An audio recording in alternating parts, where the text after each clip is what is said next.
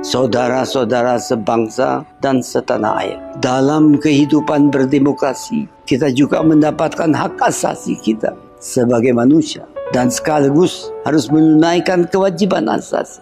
Kewajiban asasi manusia ini merupakan pembatasan atas hak asasi yang bisa menjadikan sifat egoisme.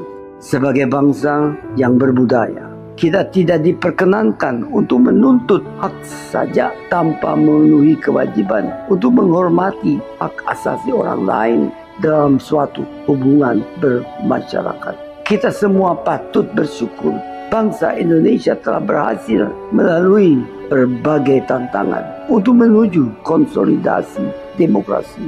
Kita semua juga berharap bahwa demokrasi dan perdamaian akan tetap tumbuh berkembang di Indonesia.